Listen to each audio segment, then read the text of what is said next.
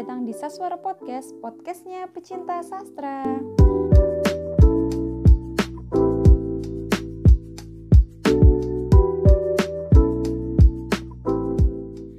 Nah, hari ini di Saswara Podcast kita kedatangan tamu nih yang bisa menambah wawasan kita seputar karya sastra tentunya. Khususnya desain fiksi ya Kak Pita ya. Iya betul sekali. Oke, langsung aja mungkin nanti Kak Pita ceritain dulu deh dunia sains fiksi itu bedanya apa sama dunia karya sastra yang lain. Oke teman-teman, um, sekarang aku mau nemenin kalian untuk ngomongin yang namanya sains fiksi. Pasti menurut kalian sains fiksi itu kayak asing, tapi sebenarnya kalau misalnya dipikir-pikir lagi, lalu dilihat-lihat lagi sebenarnya sains fiksi itu nggak asing buat kalian. Nah, sebelum apa ya kalian tahu apa itu artinya sains fiksi, uh, aku mau tanya dulu deh sama kalian semua. Pastinya kalian udah pernah belum sih nonton Harry Potter? Tentunya anak-anak yang tahun 90-an itu pasti nggak asing banget sama film Harry Potter. Um, tentunya ceritanya yang mengusung teknologi-teknologi yang luar biasa karena negeri sihir. Terus orang juga berpikiran, ah itu tuh halu, itu fiksi, itu fiktif, itu nggak mungkin.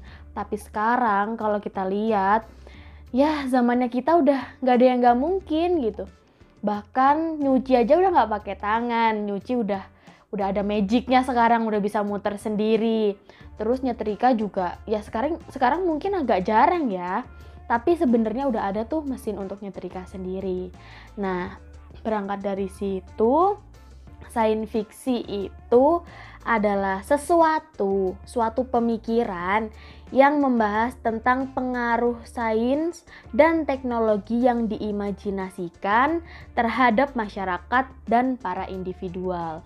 Jadi ada orang-orang yang memiliki imajinasi atau pemikiran gimana sih jika dunia ini itu didominasi sama teknologi, terus uh, ilmuwan-ilmuwan itu mendominasi dunia ini, membuat kayak mesin pembuat roti, pemanggang roti gitu ya. Mungkin dulu awalnya balik lagi itu nggak mungkin. Dulu zaman batu, semuanya serba berburu, mencari makan, meramu. Sedangkan sekarang ya udah tinggal duduk aja di rumah, robot-robot yang kerja gitu. Beli makan aja udah pakai aplikasi gitu ya. Iya gitu. Jadi kita tinggal ya asik duduk di rumah, tinggal pencet-pencet HP gitu. Siapa sih dulu yang kepikiran kita bakal punya telepon genggam terus bisa teleponan dari pacar kamu yang di sana jauh banget, iya nggak sih kak? Pacar kamu yang jauh, terus dulu surat-suratan gitu kan, lama nunggunya berbulan-bulan. Sekarang tinggal dipencet telepon, udah halo sayang lagi ngapain gitu. Sebenarnya mudah aja sih untuk bedain apa itu sains fiksi sama yang lain. Ya sains fiksi itu ya berhubungan sama sains dan teknologi yang diimajinasikan ketika gimana sih ketika manusia itu uh, memiliki kekuatan super gitu. Wah, boleh dibilang kalau misal imajinasinya orang-orang sains fiksi tuh hebat-hebat ya kak. Maksudnya membayangkan kalau dunia ini seakan-akan, wah gila nih, nggak mungkin ada dunia yang kayak gini gitu nggak sih? Iya betul banget, betul banget. Bahkan ini ya biasanya tuh anak-anak kecil sering dibilang gini, kamu tuh kok pikirannya gitu sih? Kok kamu pikirannya aneh? Ah nggak mungkin nggak mungkin ada teknologi gini. Sedangkan kan biasanya anak-anak yang sering dibilang halu karena mereka sering memiliki bayangan wah kayaknya aku bisa deh jadi Superman aku bisa deh terbang gitu. Terus kenyataan kan sekarang ada pesawat dan ada helikopter gitu. Iya benar. Karena kita karena tidak dapat dipungkiri juga ya kak ya. Kita sekarang juga hidup di uh, era yang emang udah benar-benar modern banget, emang yang memanjakan kita untuk bisa berbuat segala sesuatunya lebih mudah gitu ya kak ya? Iya betul betul banget. Um, mungkin gini ya teman-teman. Uh, sebenarnya bukan hanya perfilman aja yang menarik kita untuk suka sama yang namanya sains fiksi sama sesuatu yang dibilang aneh tapi sebenarnya nyata. Se uh, sebenarnya udah lama sih banyak orang yang berusaha untuk menulis sebelum sebelum ada film-film yang booming seperti Harry Potter, terus Avenger. Itu pastinya sebelumnya juga ditulis dulu, ceritanya ditulis dulu, dirangkai dulu.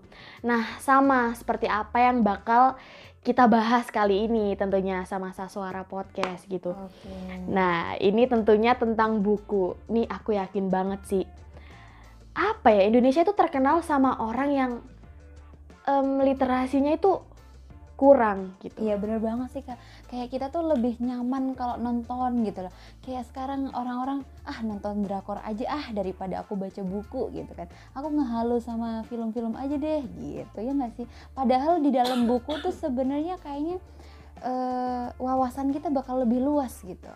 Karena kan kalau di film kan ya juga nggak bisa apa ya semuanya tuh dituangkan gitu tapi kalau di buku kita tuh benar-benar bisa menuangkan segala sesuatunya ya nggak sih kak iya betul banget dan di sini kita bakal ngebahas buku yang mungkin kalian anggap ngebosenin tapi di sini aku akan coba ngebawa kalian ikut masuk ke dalam dunia buku. Wah mantap nih kayaknya. Iya nih ini aduh ini PR banget buat aku. Yang mungkin aku di sini bukan siapa-siapa tapi semoga dengan adanya aku dan dengan um, aku berbagi gimana sih imajinasi aku ketika aku masuk ke dalam dunia buku kalian juga bakal merasain itu dan kalian tuh juga ya bakal suka juga suka baca terus kalian juga ya mulai menyukai literasi juga tentunya gitu. Nah pas banget nih teman-teman buat kalian yang males banget nih baca, males banget buka-buka uh, buku yang alergi-alergi banget sama yang namanya bacaan seabrek-abrek nih. Kita sekarang lagi ditemenin sama Kak Pita yang bakal ngebuat buku itu sebenarnya sesuatu yang menyenangkan gitu loh untuk kita perdalam lagi untuk kita mengetahui segala sesuatunya. Nah, sekarang Kak Pita nih lagi bawa buku nih kayaknya. Kira-kira buku apa nih Kak? Boleh diceritain dulu dong. Iya nih, sekarang aku lagi bawa hmm, salah satu buku dari serinya novel karya Dewi Lestari, Supernova. Mungkin teman-teman di sini ada yang udah tahu, ada yang belum tahu. Untuk yang belum tahu, jadi Dewi Lestari ini salah satu penulis penulis dari Indonesia, dari negara kita tentunya. Ya mungkin teman-teman ada yang kenal dan ada yang nggak kenal juga gitu. Tapi di sini aku bakal ngenalin sama kalian. Jadi Dewi Lestari ini sebenarnya udah pernah nulis dan sebelum-sebelumnya uh, ada beberapa novel beliau yang dibuat film uh, seperti apa ya surat kecil untuk Tuhan. Perahu kertas. Oh perahu hmm, betul betul. Perahu kertas. Gini deh kalau kalian para kaum millennials banget nih yang suka nongkrong nongkrong biasanya nih pada tahu nggak nih filosofi kopi? Nah itu tuh salah satu karya dari penulis kita yang akan kita bahas karyanya kali ini. Oke. Nah ini adalah salah satu novel yang bestseller juga dari Dewi Lestari itu adalah seri Supernovanya. Kayaknya kalau nggak salah ini juga berkali-kali cetak nggak sih kak sebenarnya? Iya ini udah lama banget dan bahkan saya sendiri tuh sering banget ngelihat uh, beliau itu dipanggil di beberapa uh, acara TV untuk ya setiap habis ngerilis buku Supernova ini beliau diundang terus ditanyain apa sih apa sih di dalamnya karena memang waktu pertama kali diterbitin buku ini tuh langsung booming karena ya apa ya baru baru ini ada novel yang maksudnya tentang ada superhero superhero-nya terus dia tuh apa ya memiliki kekuatan super dan di situlah yang disebut dengan science fiksi gitu. Kayaknya bakalan asik nih, boleh dong kak diceritain dulu kayak gimana dan kenapa sih kak Pita itu memilih buku partikel ini sebagai tema kita kali ini. Oke, gini ya teman-teman. Jadi sebenarnya Supernova ini ada beberapa seri gitu. Ada hmm, sekitar uh, enam. Yang pertama itu Kesatria Putri dan Bintang Jatuh, lalu yang kedua itu Akar, Setelah itu yang ketiga itu petir, yang keempat ini partikel yang kita akan bahas nanti. Setelah itu gelombang dan yang terakhir itu adalah novel yang merangkum semuanya dan ada endingnya juga di situ. Nah, itu intelijensi embun pagi. Nah, dari semua seri itu kenapa sih kok milih partikel gitu? Karena uh, partikel ini salah satu novel yang ceritanya itu mengusung uh, sesuatu yang unik gitu. Jadi di situ kita dapat belajar banyak banyak, banget hal. Tentunya misalnya kayak macam-macam jamur. Nah biasanya kan kita kalau mau tahu nama-nama tumbuhan langka atau apa itu kan ya sekolah gitu. Tapi kalau di sini tuh uniknya kita dengan baca terus kita tahu oh ternyata ini ya apa tumbuhan-tumbuhan langka gitu. Terus yang kedua di sini juga mengajak kita tuh berpetualang dari Indonesia terus ke negara lain hanya dengan membaca buku gitu. Kalian tuh bisa ikut merasakan gitu. Oh, ternyata gini ya, ternyata gitu ya gitu. Kan kalian bisa merasakan kesedihannya, terus kegembiraannya, penasarannya, misterinya seperti itu. Terus di dalamnya juga ya tentunya dari kisah hidup dari tokoh utama namanya Zara dia itu anak dari dosen ITB namanya Faras. Dia itu uh, ayahnya dari Zara itu menggilai fungi atau jamur sehingga dia memanfaatkan salah satu bukit yang ada di rumahnya namanya Bukit Jambul. Bukit Jambul itu terkenal dengan mistisnya. Siapa yang berani masuk ke Bukit Jambul, dia harus siap untuk tidak kembali pulang dengan selamat. Nah, dari situ ya udah membuat ketertarikan tersendiri. Ih, misteri kenapa ya? Apa ada mistisnya gitu. Ngebuat kita itu bertanya-tanya, sebenarnya ada apa sih dengan buku ini gitu. Itu sih, sedangkan kalau yang lain kan tentunya ya ada ter, ada yang menarik juga, tetapi di sini Kenapa harus partikel ya balik lagi karena ada beberapa unsur-unsur yang membuat saya penasaran gitu. Ngomong-ngomong tentang partikel nih kak, pastilah dari beberapa bab di dalam buku itu ada hal-hal menarik yang ngebuat Kak Pita tuh wah ini buku bener-bener hebat nih gitu. Nah bisa nggak sih Kak uh, Kak Pita bacain beberapa part dari buku itu. Biar orang-orang yang mungkin belum tahu nih tentang partikel bisa tertarik juga gitu loh dengerinnya. Oke. Sebelum dibacain kutipannya, teman-teman di sini suka nggak sih uh, dengar cerita-cerita tentang alien kayak manusia uh, dia dari planet lain, makhluk asing, terus datang dengan UFO. Nah, mengapa partikel ini menarik? Karena di dalamnya dia itu menjelaskan tentang makhluk-makhluk aneh yang kita sebut dengan UFO dan alien tentunya ya kan. Di sini tuh juga ada gambar-gambarnya, terus ada penjelasan-penjelasannya. Terus hmm, seakan-akan di dalamnya itu uh, dibuat seperti catatan-catatan kecil, catatan-catatan penelitian dari tokoh Faras ayahnya Zara ini yang uh, dia itu pergi ke Bukit Jambul dan bertemu dengan alien-alien ini di pucuk Bukit Jambul gitu. Nah, kutipannya itu kayak gini. Aku bertemu mereka lagi. Kali ini bentuk mereka lebih jelas terlihat.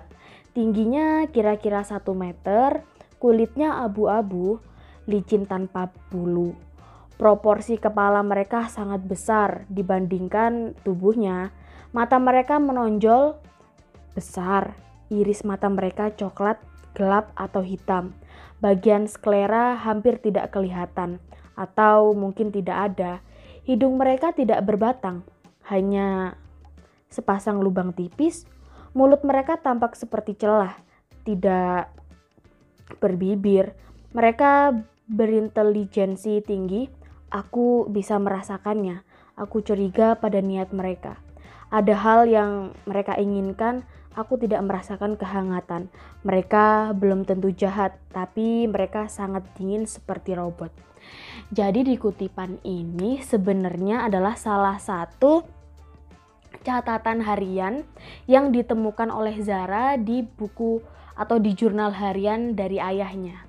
Nah, di situ juga ayahnya menggambarkan bentuk wajah dari alien yang dia lihat atau makhluk yang dia lihat. Dari situ membuat aku tentunya aku pribadi penasaran gitu. Kenapa sih di buku ini harus harus ada tentang alien-aliennya gitu. Nah, ternyata buku ini memiliki maksud bahwasanya memuaskan untuk kalian yang juga penasaran tentang alien itu sebenarnya ada apa enggak sih? Nah, di sini tuh dijelasin secara ya secara hmm, mungkin tidak lengkap ya, tapi setidaknya kalian mengerti oh, ternyata uh, imajinasi kita itu dipuaskan ketika kamu membaca partikel ini. Oh, ternyata apa yang kita bayangin selama ini alien bentuknya ini itu itu sebenarnya ada gitu. Oke, berarti sebenarnya orang-orang yang menuliskan karya sastra dengan genre science fiction itu juga berpikir sangat keras banget nggak sih kak?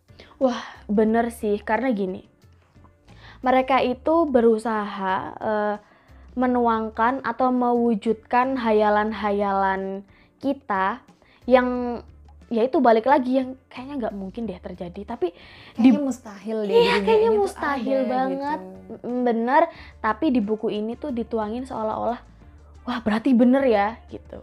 Tapi sebenarnya balik lagi yang namanya kita balik lagi oh sains fiksi gitu kan. Fiksi itu ya bisa dibilang tidak nyata tapi ingat ini semua hanya untuk uh, membuat kita itu mendapatkan wadah untuk imajinasi kita selama ini. Nah, dengan dipuaskan dengan membaca buku tentunya kita bisa larut di situ. Jadi bukan hanya ngelihat film aja, tapi percayalah gitu, kalian bakal lebih asik baca buku karena apa? Kalian tuh bisa lebih berimajinasi secara bebas gitu karena apa? Karya sastra itu um, tidak memberikan batasan-batasan untuk kalian berimajinasi gitu. Lain ceritanya nih kalau misal kita udah lihat film gitu kan udah terpampang oh alien kayak gini oh eh, robot tuh kayak gini gitu kan ya kayak ya. tapi kan kalau misal kita nih baca buku dengan dijelaskan kayak gitu bisa aja pemikiranku sama pemikirannya Kak Pita bakal beda gitu kan nah iya betul banget. Ngomong-ngomongin tentang pemaknaan yang berbeda nih Kak karya sastra kan tidak membatasi kita untuk menafsirkan bahasa yang ada dalam situ. Sedangkan yang kita tahu sains fiksi itu bahasanya cukup tinggi gitu loh kan. E, aku aja jujur e, pas waktu baca sains fiksi tuh kadang rada-rada nggak ngerti gitu kan ya sama bahasa-bahasa mereka gitu kan karena di situ memang ada istilah-istilah yang dikhususkan untuk kita mencari tahu gitu kan ada istilah-istilah yang entah itu istilah kedokteran, entah itu istilah di dunia teknologi, entah itu istilah ya yang yang belum familiar lah sama kita gitu.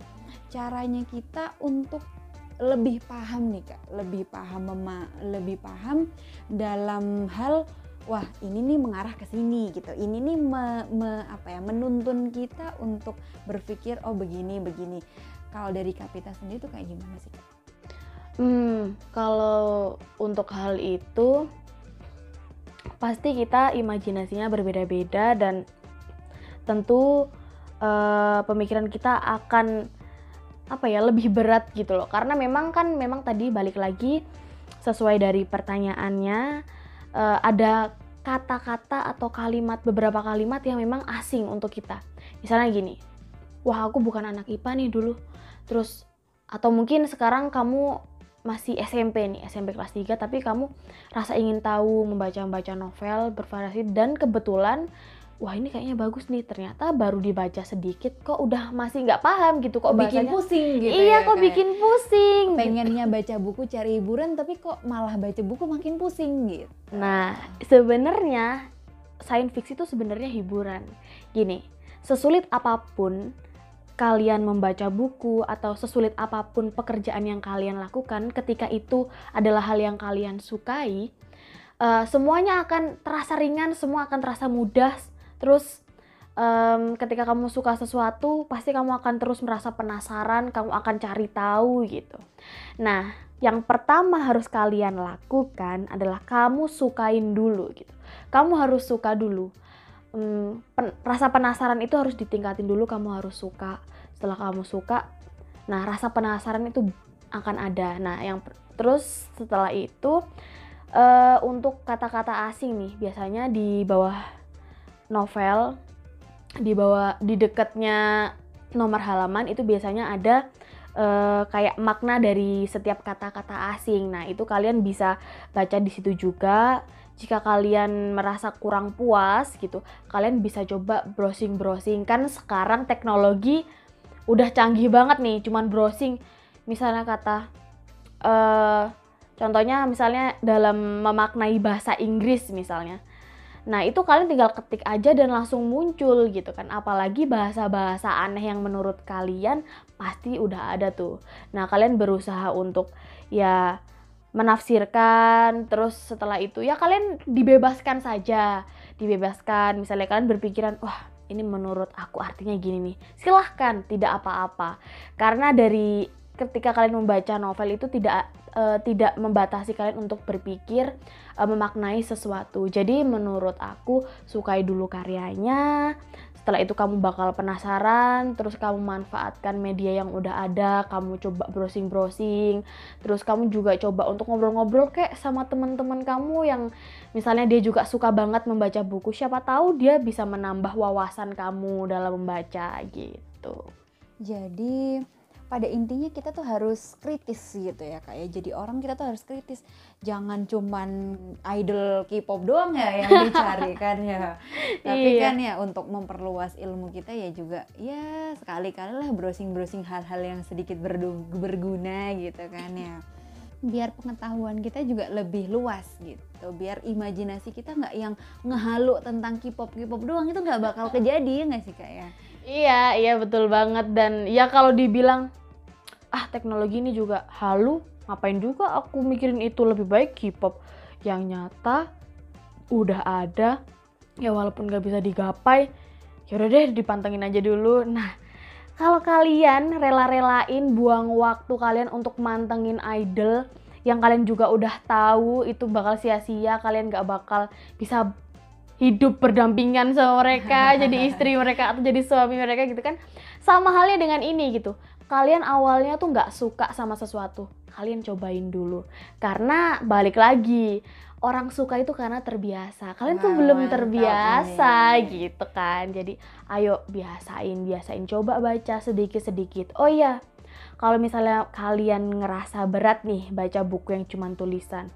Sekarang ada kok banyak banget aplikasi-aplikasi yang itu mewadahi kalian ingin baca nih, tapi kalian kayak boring, um, kayak males. Kalau misalnya lihat tulisan-tulisan aja banyak banget buku-buku online yang bisa dibaca itu bergambar. Nah, bisa mungkin kayak bisa menaikkan uh, semangat baca kalian. Ih, ada gambarnya nih aku bisa berimajinasi lebih lagi. Nah itu juga ada gitu. Jadi uh, mungkin langsung membaca sains fiksi berat. Tapi kalian coba untuk membaca yang ya yang ringan-ringan dulu. Misalnya buku-buku bergambar gitu. Jangan malu. Terus kalian merasa ah aku lah udah SMA ngapain baca buku-buku yang bergambar nanti aku dibilang anak TK eh enggak jangan salah. Bahkan sekarang banyak sekali orang-orang e, dewasa itu malah mereka tuh sekarang berlomba-lomba untuk bisa ngebuat buku yang bergambar. Karena sekarang orang dewasa pun suka banget nih baca-baca uh, buku-buku atau bacaan-bacaan yang bergambar. Karena yaitu bisa uh, mengajak kita untuk berimajinasi lebih lagi gitu biar nggak boring juga gitu ya kayak cuman mm -hmm. ya udah kata-kata doang kok kayaknya bosen gitu ya kan? iya betul betul banget ada hiburannya gitu biar ada gambar-gambar lucunya gitu kan jadi buat teman-teman yang lagi dengerin podcast ini ya ayolah kita baca yang bermanfaat dan ya juga jangan jangan cuman K-pop K-pop aja, jangan cuman TikTok TikTokan aja ya. Meskipun itu juga bisa membuat kalian happy, itu juga bisa membuat kalian senang. Tapi perluaslah wawasan kalian dengan membaca banyak-banyak buku yang bermanfaat, ya enggak ya? Iya, betul banget. Jadi untuk semua teman-teman uh, boleh kita itu um, yang namanya meluangkan waktu untuk senang-senang misalnya buat TikTok, main TikTok, scroll-scroll TikTok, terus setelah itu kalian nonton film, sinetron bebas, terserah gitu.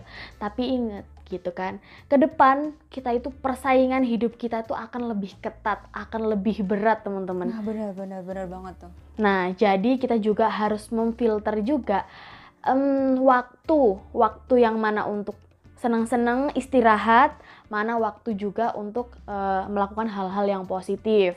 Karena juga sekarang uh, bumi ini juga sedang sakit. Tahu sendiri kan COVID sekarang gimana, bukan oh, iya, semakin teman. membaik, tetapi malah semakin parah gitu kan. Jadi aku harap uh, kalau kalian sekarang lagi di rumah aja, tentunya harus di rumah aja kan.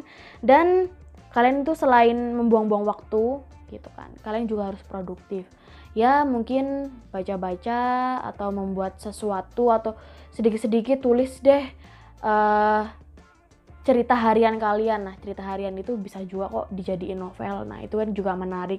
Siapa tahu uh, cerita harian kalian itu menarik terus siapa tahu kita punya bakat terpendam gitu nah ya, itu itu nah, maksudnya kan kita nggak pernah tahu nih passion kita tuh di mana gitu kan. Karena ya menulis sekarang itu gampang gitu loh. Teknologi bener-bener ngemanjain kita gitu kan sekarang. Ada beberapa platform media yang emang sudah menyediakan untuk kita berimajinasi untuk kita berkarya juga di dalamnya gitu kan jadi teman-teman, meskipun kita sekarang lagi sakit, bumi kita lagi sakit, kita sedang tidak dalam kondisi baik-baik aja ya kak ya. Betul. Ya tetap, tapi kita tuh harus tetap produktif, harus tetap bisa menghasilkan sebuah karya. Karena kan memang manusia itu harus bisa bermanfaat ya nggak sih kak? Iya betul banget, betul. Oke, semua teman-teman terima kasih. Um, mungkin mungkin pembahasannya udah agak apa ya boring banget terus pembahasannya juga udah iya nih udah berapa menit nih kita nemenin kalian kan iya ya. betul Oke, mungkin podcast kali ini cukup sampai di sini ya teman-teman. Tapi jangan lupa nih di hari Jumat kita juga bakal ketemu lagi sama kalian. Tetap stay tune ya sama podcast kita. Jangan bosan-bosan buat dengerin podcast kita karena kita di sini juga bakal bisa belajar banyak. Kita bakal sharing-sharing sama orang-orang yang hebat juga tentunya. Dan itu juga bisa ngebuat kalian untuk lebih produktif lagi untuk lebih punya semangat lagi dalam men, dalam mm, mendalami dunia sastra tentunya Oke, Kak Pita, terima kasih udah nemenin kita. Iya, sama-sama. Sampai berjumpa lagi di lain waktu, di lain kesempatan. Sampai jumpa, teman-teman. Oke, terima kasih.